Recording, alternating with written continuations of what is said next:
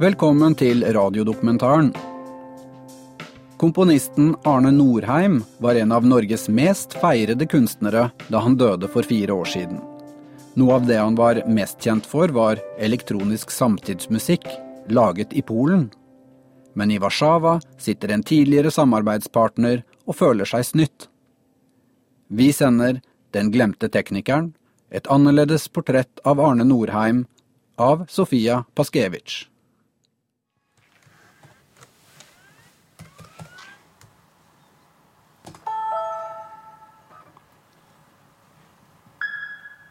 Det her er eh, første sporet er hva skal vi si, Warszawa-lyd.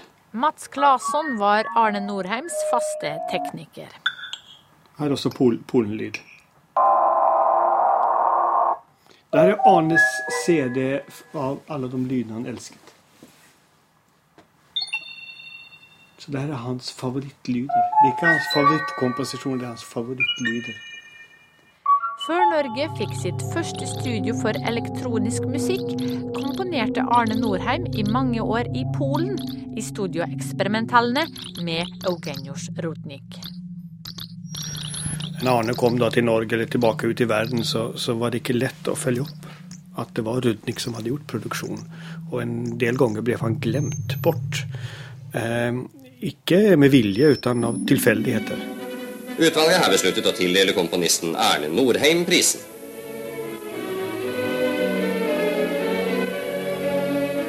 Den 30 år gamle komponisten, som er en av våre fremste moderne musikere, får sjekken av fabrikkeier Lien.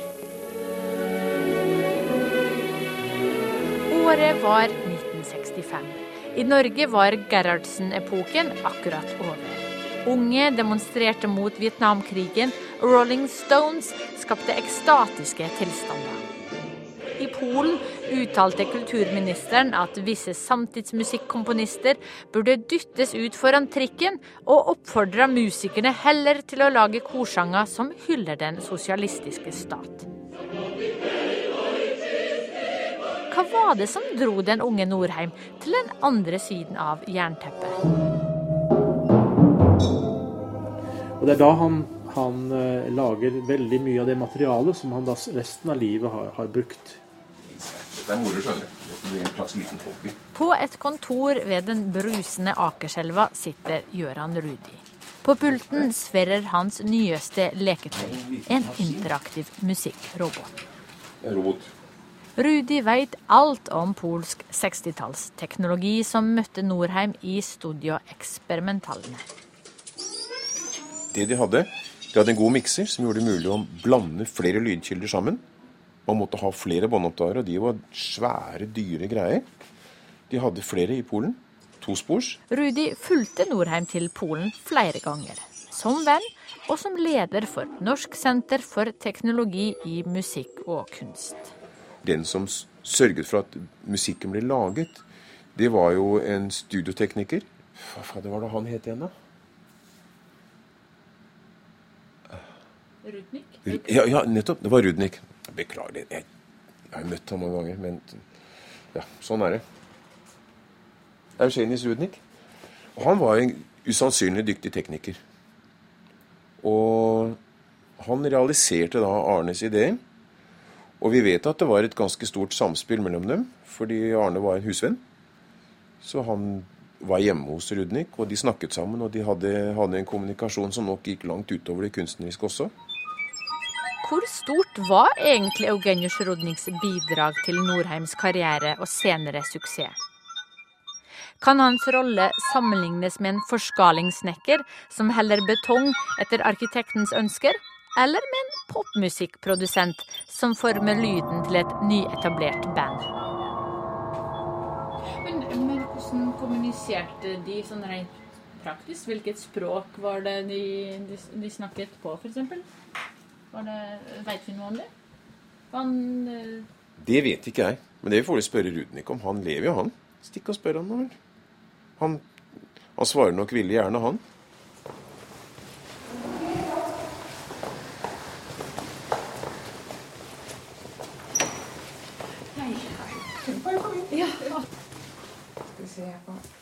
Jeg flyttet fra Grotten. Arne døde jo i 20 tid i mai, og så flyttet jeg inn her i påsken 2011.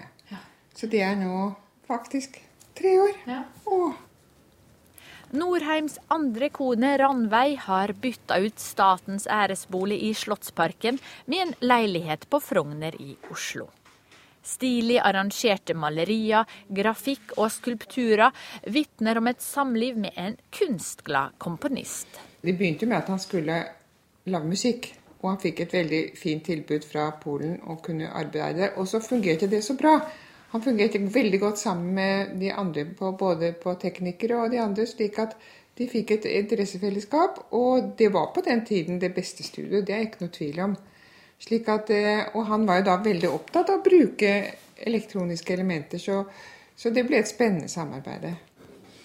Akkurat hvordan de selve Så teknisk er ikke jeg, men de satt jo da ved disse båndmaskinene og holdt på med de klangene og eksperimenterte litt og prøvde seg frem. Og, og hadde det sikkert gøy, for begge likte, alle likte det.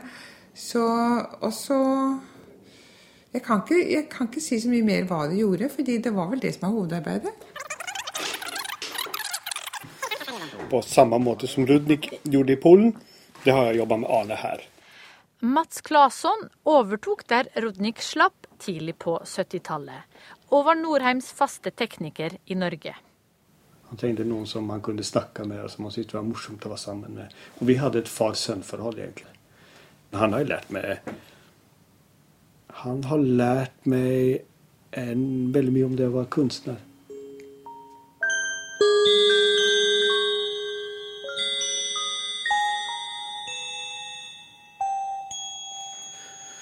Rudnik, grunnen til at Arne laget de tingene han laget i Polen, og at det ble så bra, og at han fant instrumentet Rudnik, noe som han kunne kommunisere med. En musiker spiller, en lydtekniker, hva så kaller kalle det for, som Rudnik og meg, vi spiller også. Vi spiller på studioen.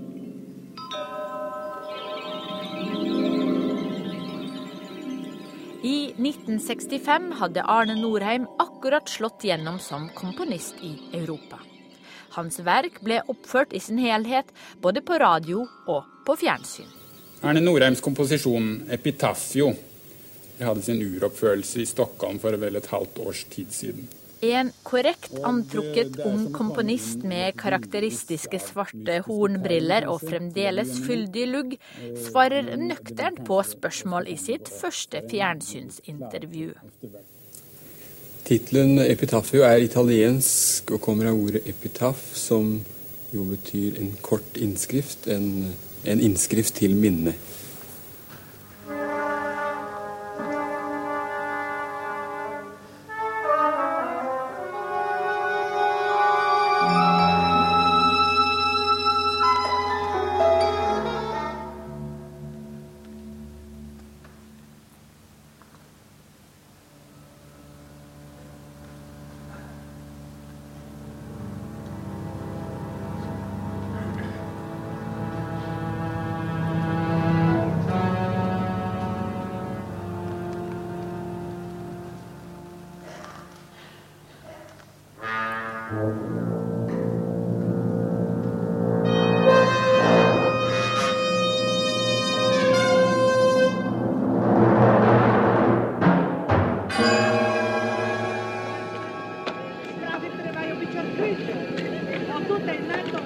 Det er bestemt fra høyeste hold at Slottet skal gjenoppbygges.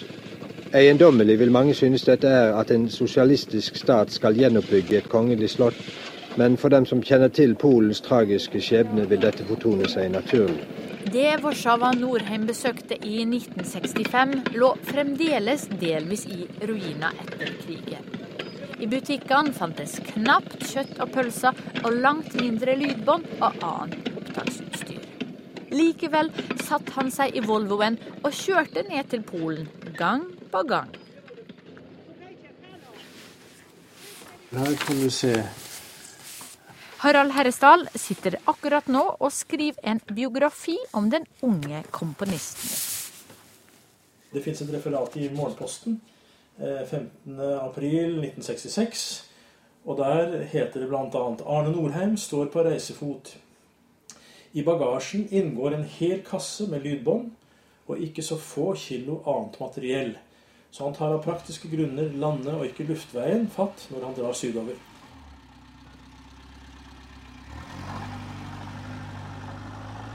Han brukte jo ofte bil, ganger, så han kjørte.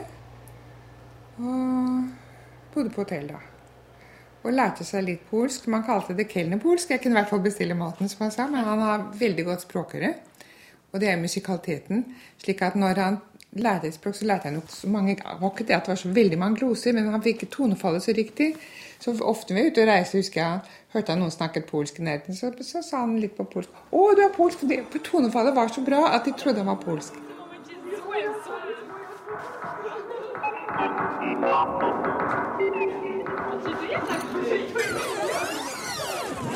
Arne Norheims gamle tekniker, den eldre herren Eugenius Rodnik, har i dag en yngre venn og hjelper.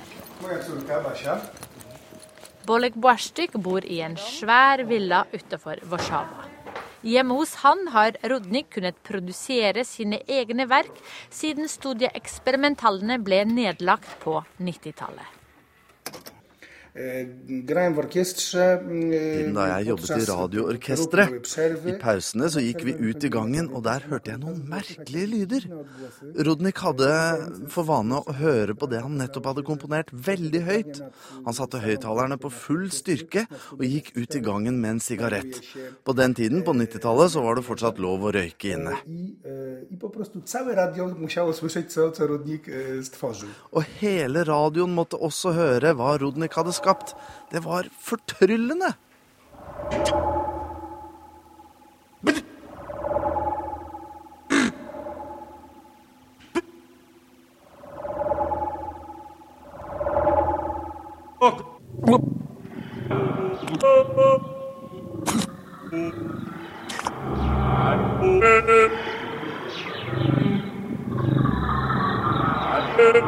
Rudnik jobba også som komponist, og flere av rommene i villaen er via hans opptak. 140 km med lydbånd og opptaksutstyr som radioen kvittet seg med da studio ble oppløst, ligger stabla opp etter veggene.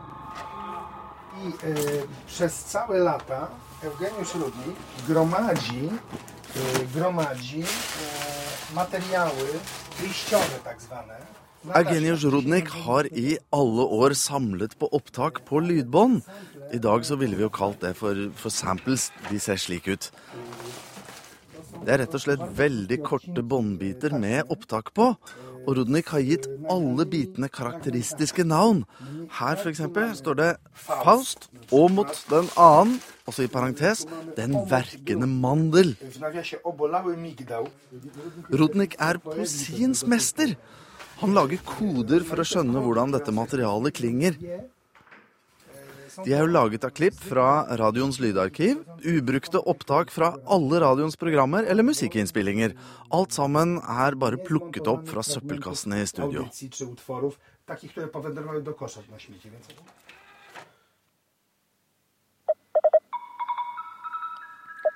Dette er ett av NRKs pausesignaler. Et bitte lite elektronisk verk som Arne Norheim laga i studio i Polen. Den dagen var Rodnik hos tannlegen, forteller Norheim. I det store studioet i, Warszawa, der har jeg jo arbeidet meget i mange år, rett og slett. Og pausesignal til NRK er for øvrig laget der. En dag som teknikeren rett og slett måtte til tannlegen. Så fikk, hadde jeg to timer fri i studio, og der laget jeg det.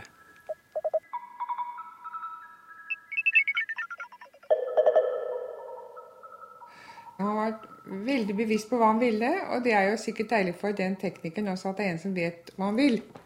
Har, og han har lært av dem, selvfølgelig, for de kunne jo alt det tekniske. Så jeg tror det har vært kjempefint. Kjempefint. Og vi en gang første, ja, det, var, det var vel første gangen vi var der sammen, da bodde vi hos en av de han hadde arbeidet sammen i familien hans. Veldig hyggelig. Og en av de har også vært og besøkt oss i Oslo før vi flyttet Grotten, så det var på slutten av 70-tallet. Og det var jo noe av det Arne syntes var fint også, at han nettopp i den perioden kunne være der. Og da var det ganske tøft. trangt og beboelse, mange trengte penger. Så han, de pengene han fikk, da kunne han jo ikke ta med seg ut. Så han spurte en dag en av de han har jobbet sammen i studio, hva skal jeg gjøre med de pengene? Er det noen jeg kan gi det til? Hvis du vil, så skal jeg finne noen virkelig trengende.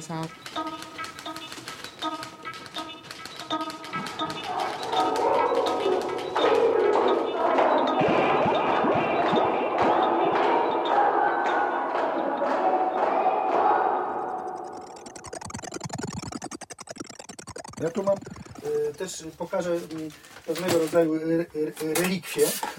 Jeg skal vise deg en form for relikvier. Dette kommer Rudnik helt sikkert til å snakke mer om. Arne Norheim monterte jo sine verk i Warszawa. Og for å bruke studio så ville man normalt ha betalt med utenlandsk valuta, dollar f.eks. Men polsk radio tok ikke mot utenlandsk valuta. Så Norheim han hadde rett og slett med seg gaver til radioen.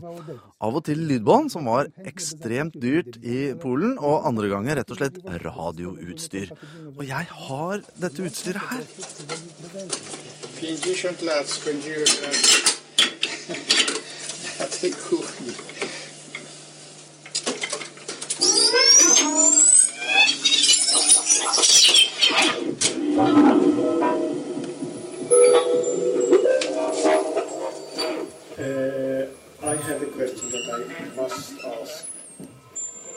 Hvordan jobba egentlig Norheim i studioet i Warszawa? Dette spørsmålet ønsker Norheimsenteret i Oslo å få svar på. For to år siden oppsøkte en norsk delegasjon studioteknikeren Rudnik på hans hytte for å spørre han ut. If he heard something he really liked, he was very clear about it. Jak dziecko podskakiwał do góry. Bo on był, on był homoludem, on się bawił sztuką. On nie Som et barn. Han hoppet opp og ned. Han var homoludens. I wtedy wołał Trinken Wiretwa zum Beispiel alkohol, ale myśmy nie pili wódki, myśmy nie pili wódki. Og når han var fornøyd, så sa han 'trinken vi ret was', som Beispiel alkohol. Nasza praca. Men vi drakk ikke vodka. Vi A wychodziły rzeczy nadzwyczaj poważne. Vi hadde det gøy sammen, selv om vi ofte jobbet med seriøse ting. Jeg tror vi hadde samme innstilling Nie til livet, han og jeg. coś chyba podobny sposób widzenia świataśmy mieli z Arnem. Jeżeli on uważał, że ta struktura jest genialna, Vi hadde faste fraser. Når jeg var uenig med ham, da lot jeg som om jeg var dum, og sa 'Arne, ich habe eine idiotische Frage'. Arne, ich habe eine idiotische Frage. Bitte, Genek. Kanskje vi skal spille klippet bak fram? For jeg kjente materialet bedre, visste at Arne ville like det på den måten. Og Arne var superhappy når han hørte det, og brukte det i verket. Og han fikk æren, og jeg skrev det ikke ned. Bo ja jestem rozrzutny. Ja miałem tyle pomysłów, że mogłem jeszcze 10 Arnych obsłużyć.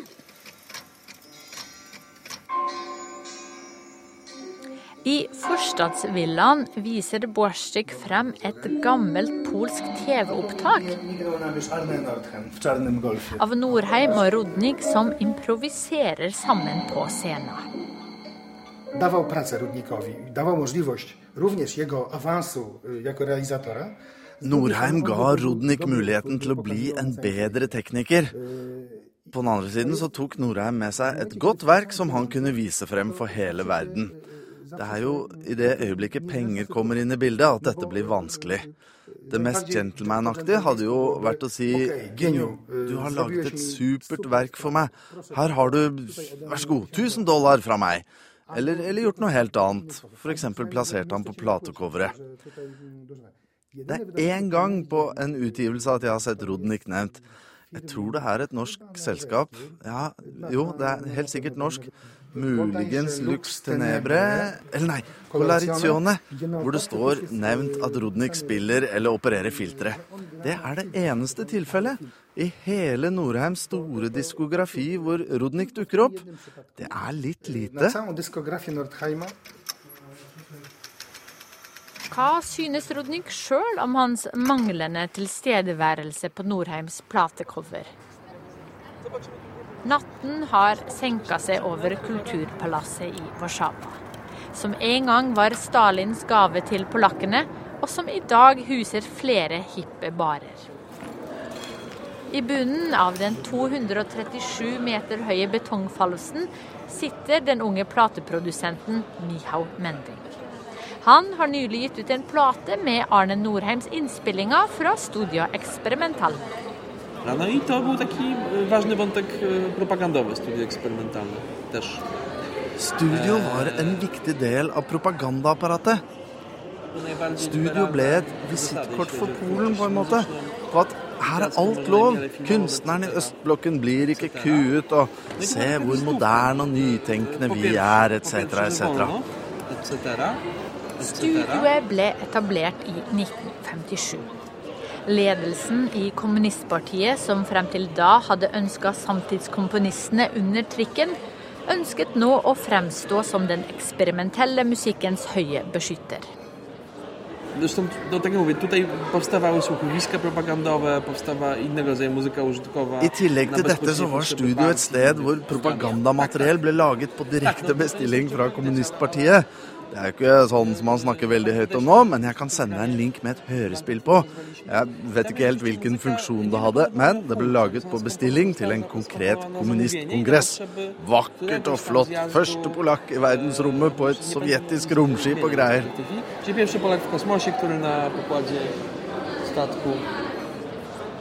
Studioet er nedlagt. Mikserne og båndspillerne er solgt til lydnerder i hele Europa. Arne Norheim er ikke lenger blant oss. I en liten blokkleilighet rett ved polsk radio bor teknikeren Eugeniusz Rodnik. Dzień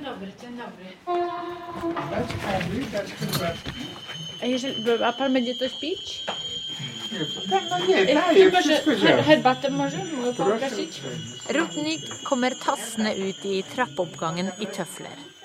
Han har blitt 82 år, men bor i den samme leiligheten hvor Norheim mellom de lange øktene i studio spiste sin polske favorittrett. Gjedde i fløtesaus. Dwóch kompozytorów mi imponowało.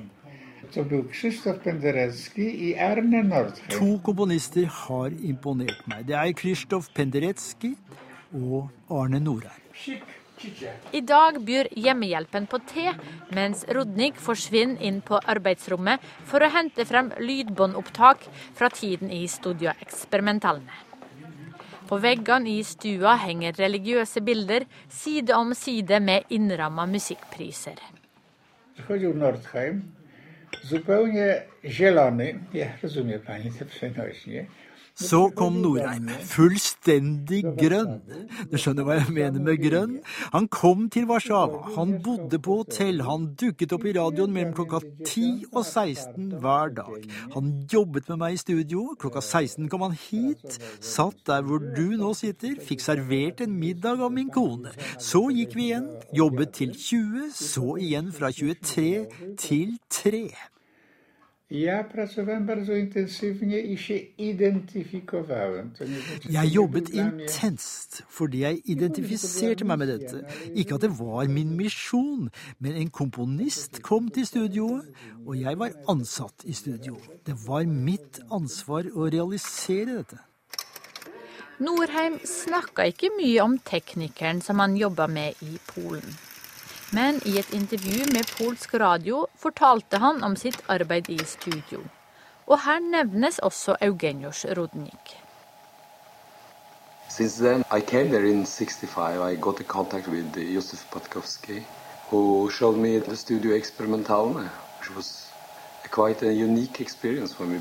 Then I composed some pieces, a piece called Solitaire, which I realized in the studio Experimentalne in Warsaw with the help of my very good friend Eugenius Rudnik, with whom I worked quite often.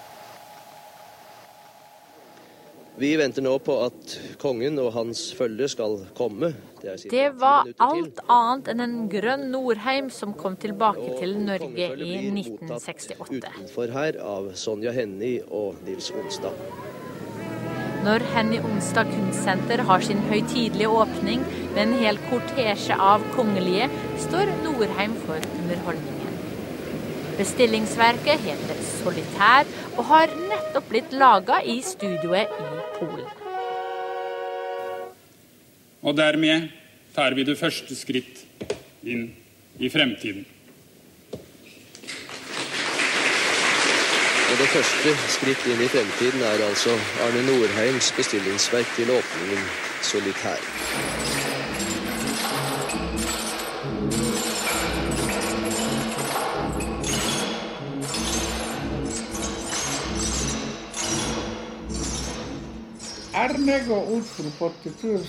Tittelen på Arnes verk 'Solitær', du vet ikke hvor den kommer fra, gjør du? Diamanten til Sonja Hennie. En stein som hun hadde. Det var min tittelidé. Oczywiście ja bym mógł teraz, gdybym chciał, to bym pani powiedział. Jeg kunne selvfølgelig nå, hvis jeg ønsket det, fortalt hvilke ideer på verklisten til Arne som var hans, og hvilke som var mine. Jeg kunne fortalt deg, men jeg vil ikke gjøre det, for det er jo ingen grunn til det. Jeg kommer ikke nå til å skrive meg inn i historien. Hvorfor ikke, hvis du mener det er riktig? Burde jeg det? Problemet var jo der allerede da. Jeg kom på jobb, låste meg inn i studio, fikk en helt ok månedslønn. Jeg jobbet som om det var det største kunstverk. For det hørte jo også med til stillingen. Jeg jobbet, og ikke et øyeblikk tenkte jeg på meg selv som opphavsmann, selv om spørsmålet ble stilt om man ikke burde endre det i verktitlene og skrive komponist Arne Norheim, Eugeniusz Rudnik. Arne Nordheim, Eugeniusz Rudnik. Natomiast no, jest zasada, det fins en regel at når man utgir et verk, solitær, så skriver man et navn, komponist, og et navn, produsent. I dette tilfellet står ikke mitt navn der. Det skulle stått der bak komponistens navn, det vet alle. Jeg har undersøkt i platearkivet, det er ikke der, og det er et lovbrudd. Og det visste Arne. Men mitt navn har blitt fjernet derfra for alltid. På spørsmål om hvorfor han aldri tok opp dette med Norheim mens han fremdeles var i live, kommer det ikke noe klart svar. Arne, Arne Arne, Arne, Arne Arne, Arne Arne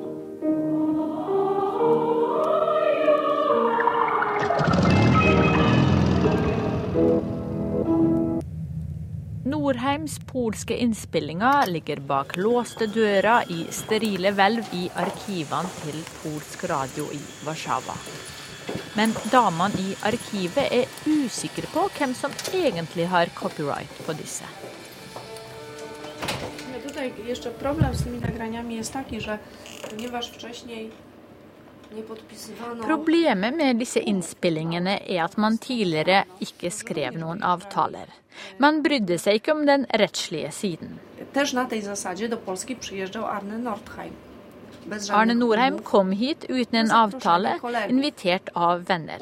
Verkene oppsto her, men hvem har copyright? Det har ingen sørga for. Radioens korridorer er ikke lenger fylt med støyende pling-plong-musikk eller røykende komponister. Studioeksperimentalene er i dag redusert til én mann med én PC på et kontor fylt med pertentlig katalogiserte intervjuopptak. Jeg har alt alfabetisk her. Marek Zvyzjikowski veit hvilke elementer Norheims musikk er satt sammen av. Da jeg var i Oslo i fjor og hørte på installasjonen på renseanlegget, så hørte jeg plutselig en lyd som jeg med en gang gjenkjente som et polsk folkemusikkorkester. Et sånt som du kan høre på landsbybrylluper eller helgenfeiringer. Og siden så fant jeg igjen akkurat den samme lyden på Luxet Tenebre. Dette er Rudniks signatur, som han må ha anbefalt for Norheim. Et materiale her fra Polen. Det er derfor det er så viktig å skjelne hva Norheim laget hvor, for å forstå hva som kan ha påvirket musikken hans. Så Nordheim wyprodukował, w jakich warunkach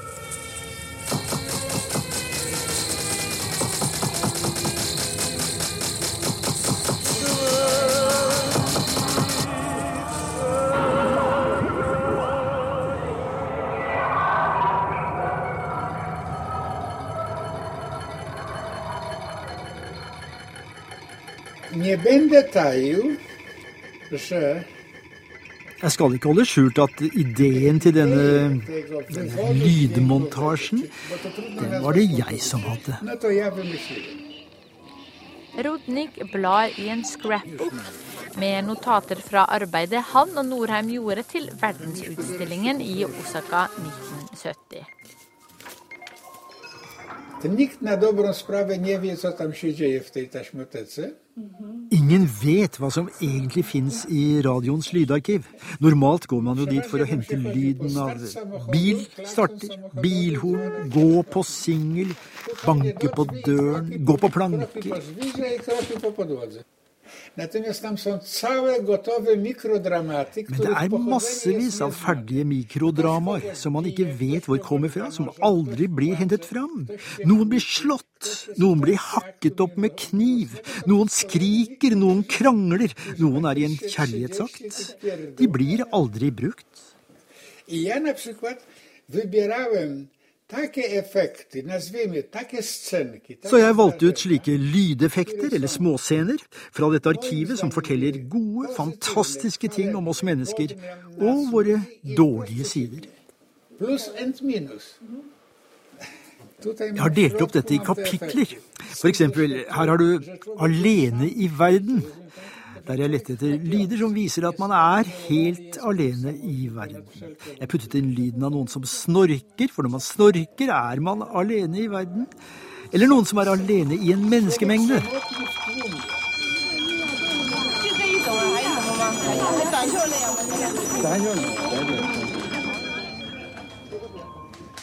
Vi har faktisk efekty ze szkoły, że dziecko, które Jeg brukte lyd fra skolen, en elev som bryter ut i gråt fordi han ikke kan svaret på et spørsmål, eller barn som leker i friminuttet. Så jeg måtte være litt etiker, litt filosof.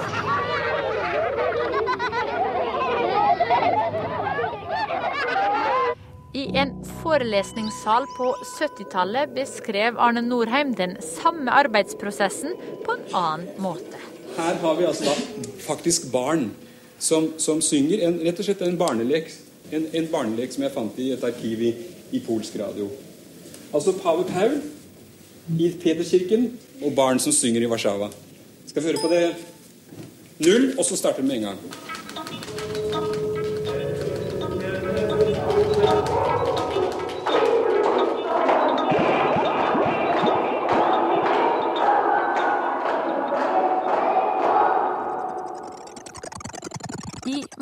Motsetning til de andre som jobba i Studio Experimentalene, hadde ikke Rodnik musikkutdanning.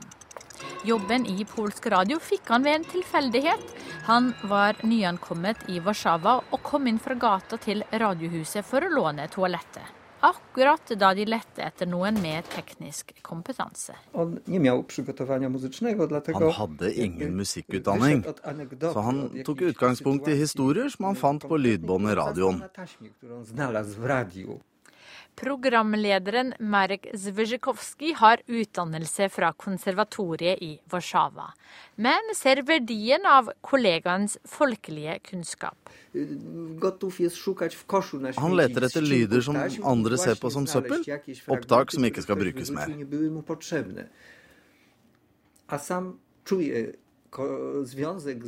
Rudnik vokste opp på landet og føler seg som en folkemusiker.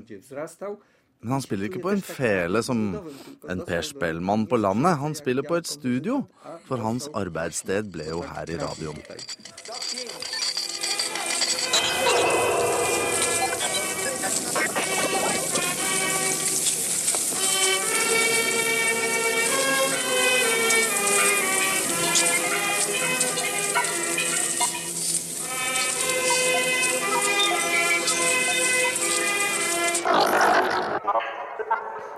Plateprodusent Rune Christoffersen har gitt ut de fleste av Norheims elektroniske plater.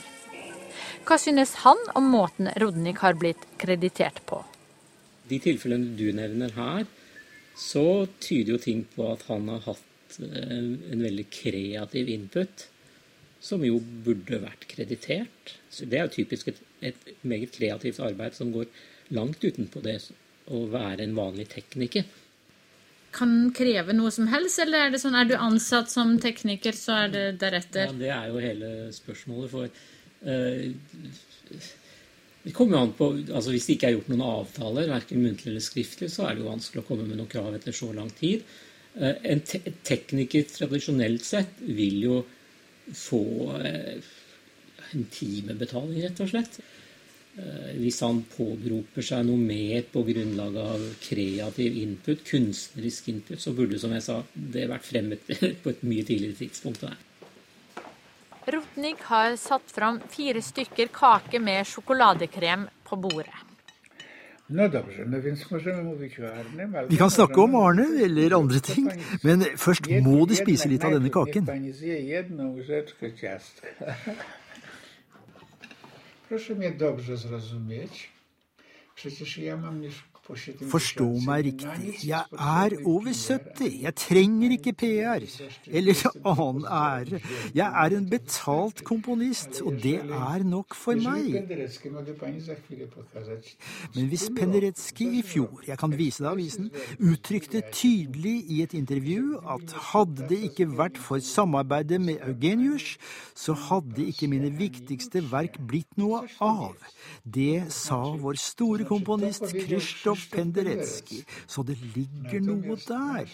Mens deres hellige Arne Norheim i alle tenkelige utgivelser, plater, konserter. Mitt navn nevnes aldri.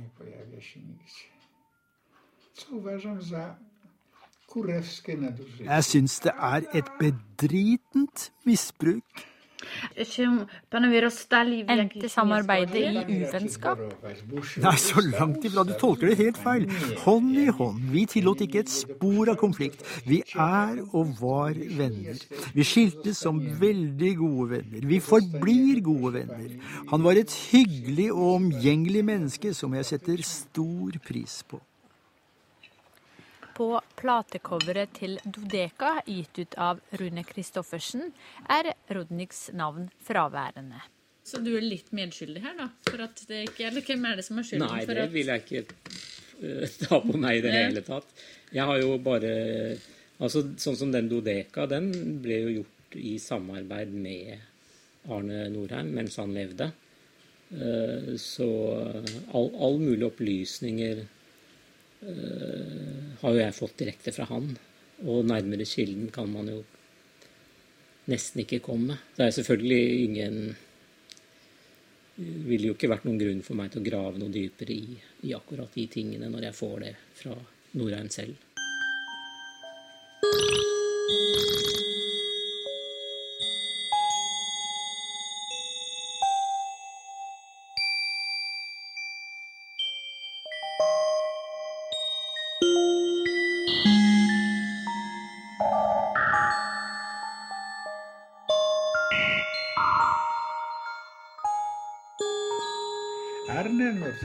Nurheim, który przyjeżdżał do mnie 50 razy. Arne Norheim var hos meg 50 ganger. Han satt der du nå sitter. Han elsket borch, eller bigos, som han aldri hadde smakt maken til. Og når han kom til meg for en måned eller to, så ble det alltid igjen råmateriale til innganger, utganger, overganger. Og jeg hadde to alternativer. Enten hive det i søpla, eller jeg hadde to kofferter, type Schwarzweiss, på størrelse med en fjerdedel av dette bordet.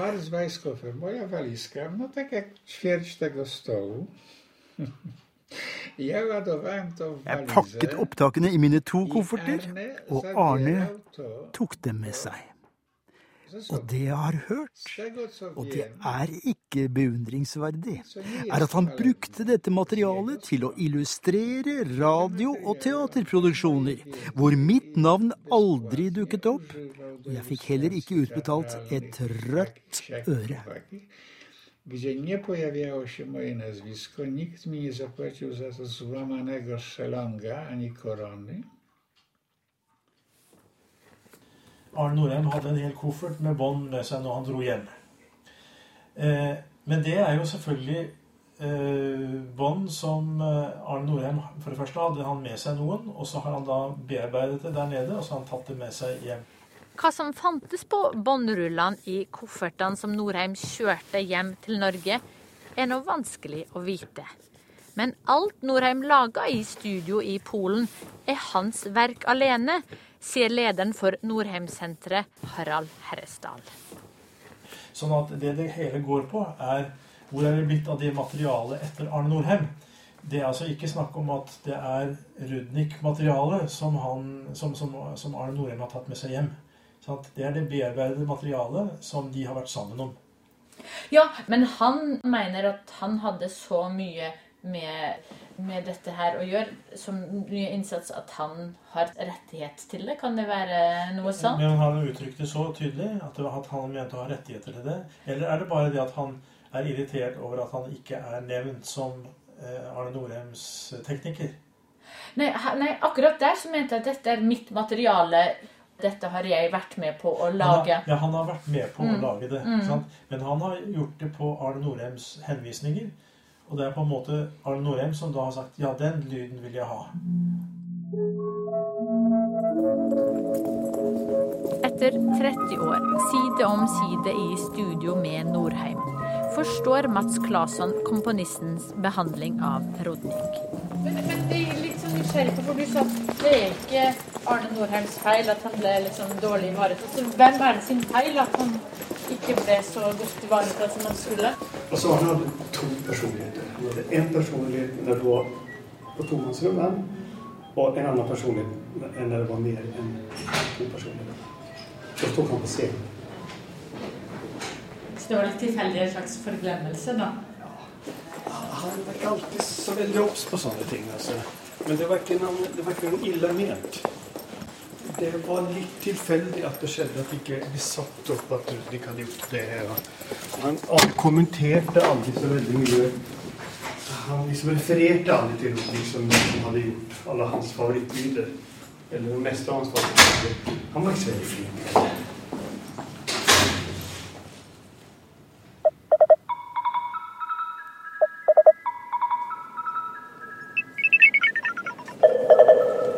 Det er selvfølgelig fordi jeg er, eh, er et spesielt, spesielt, menneske og kanskje har antennene ute på den måten. Og så for å si det sånn, jeg faktisk sier at det er det, det jeg lever av.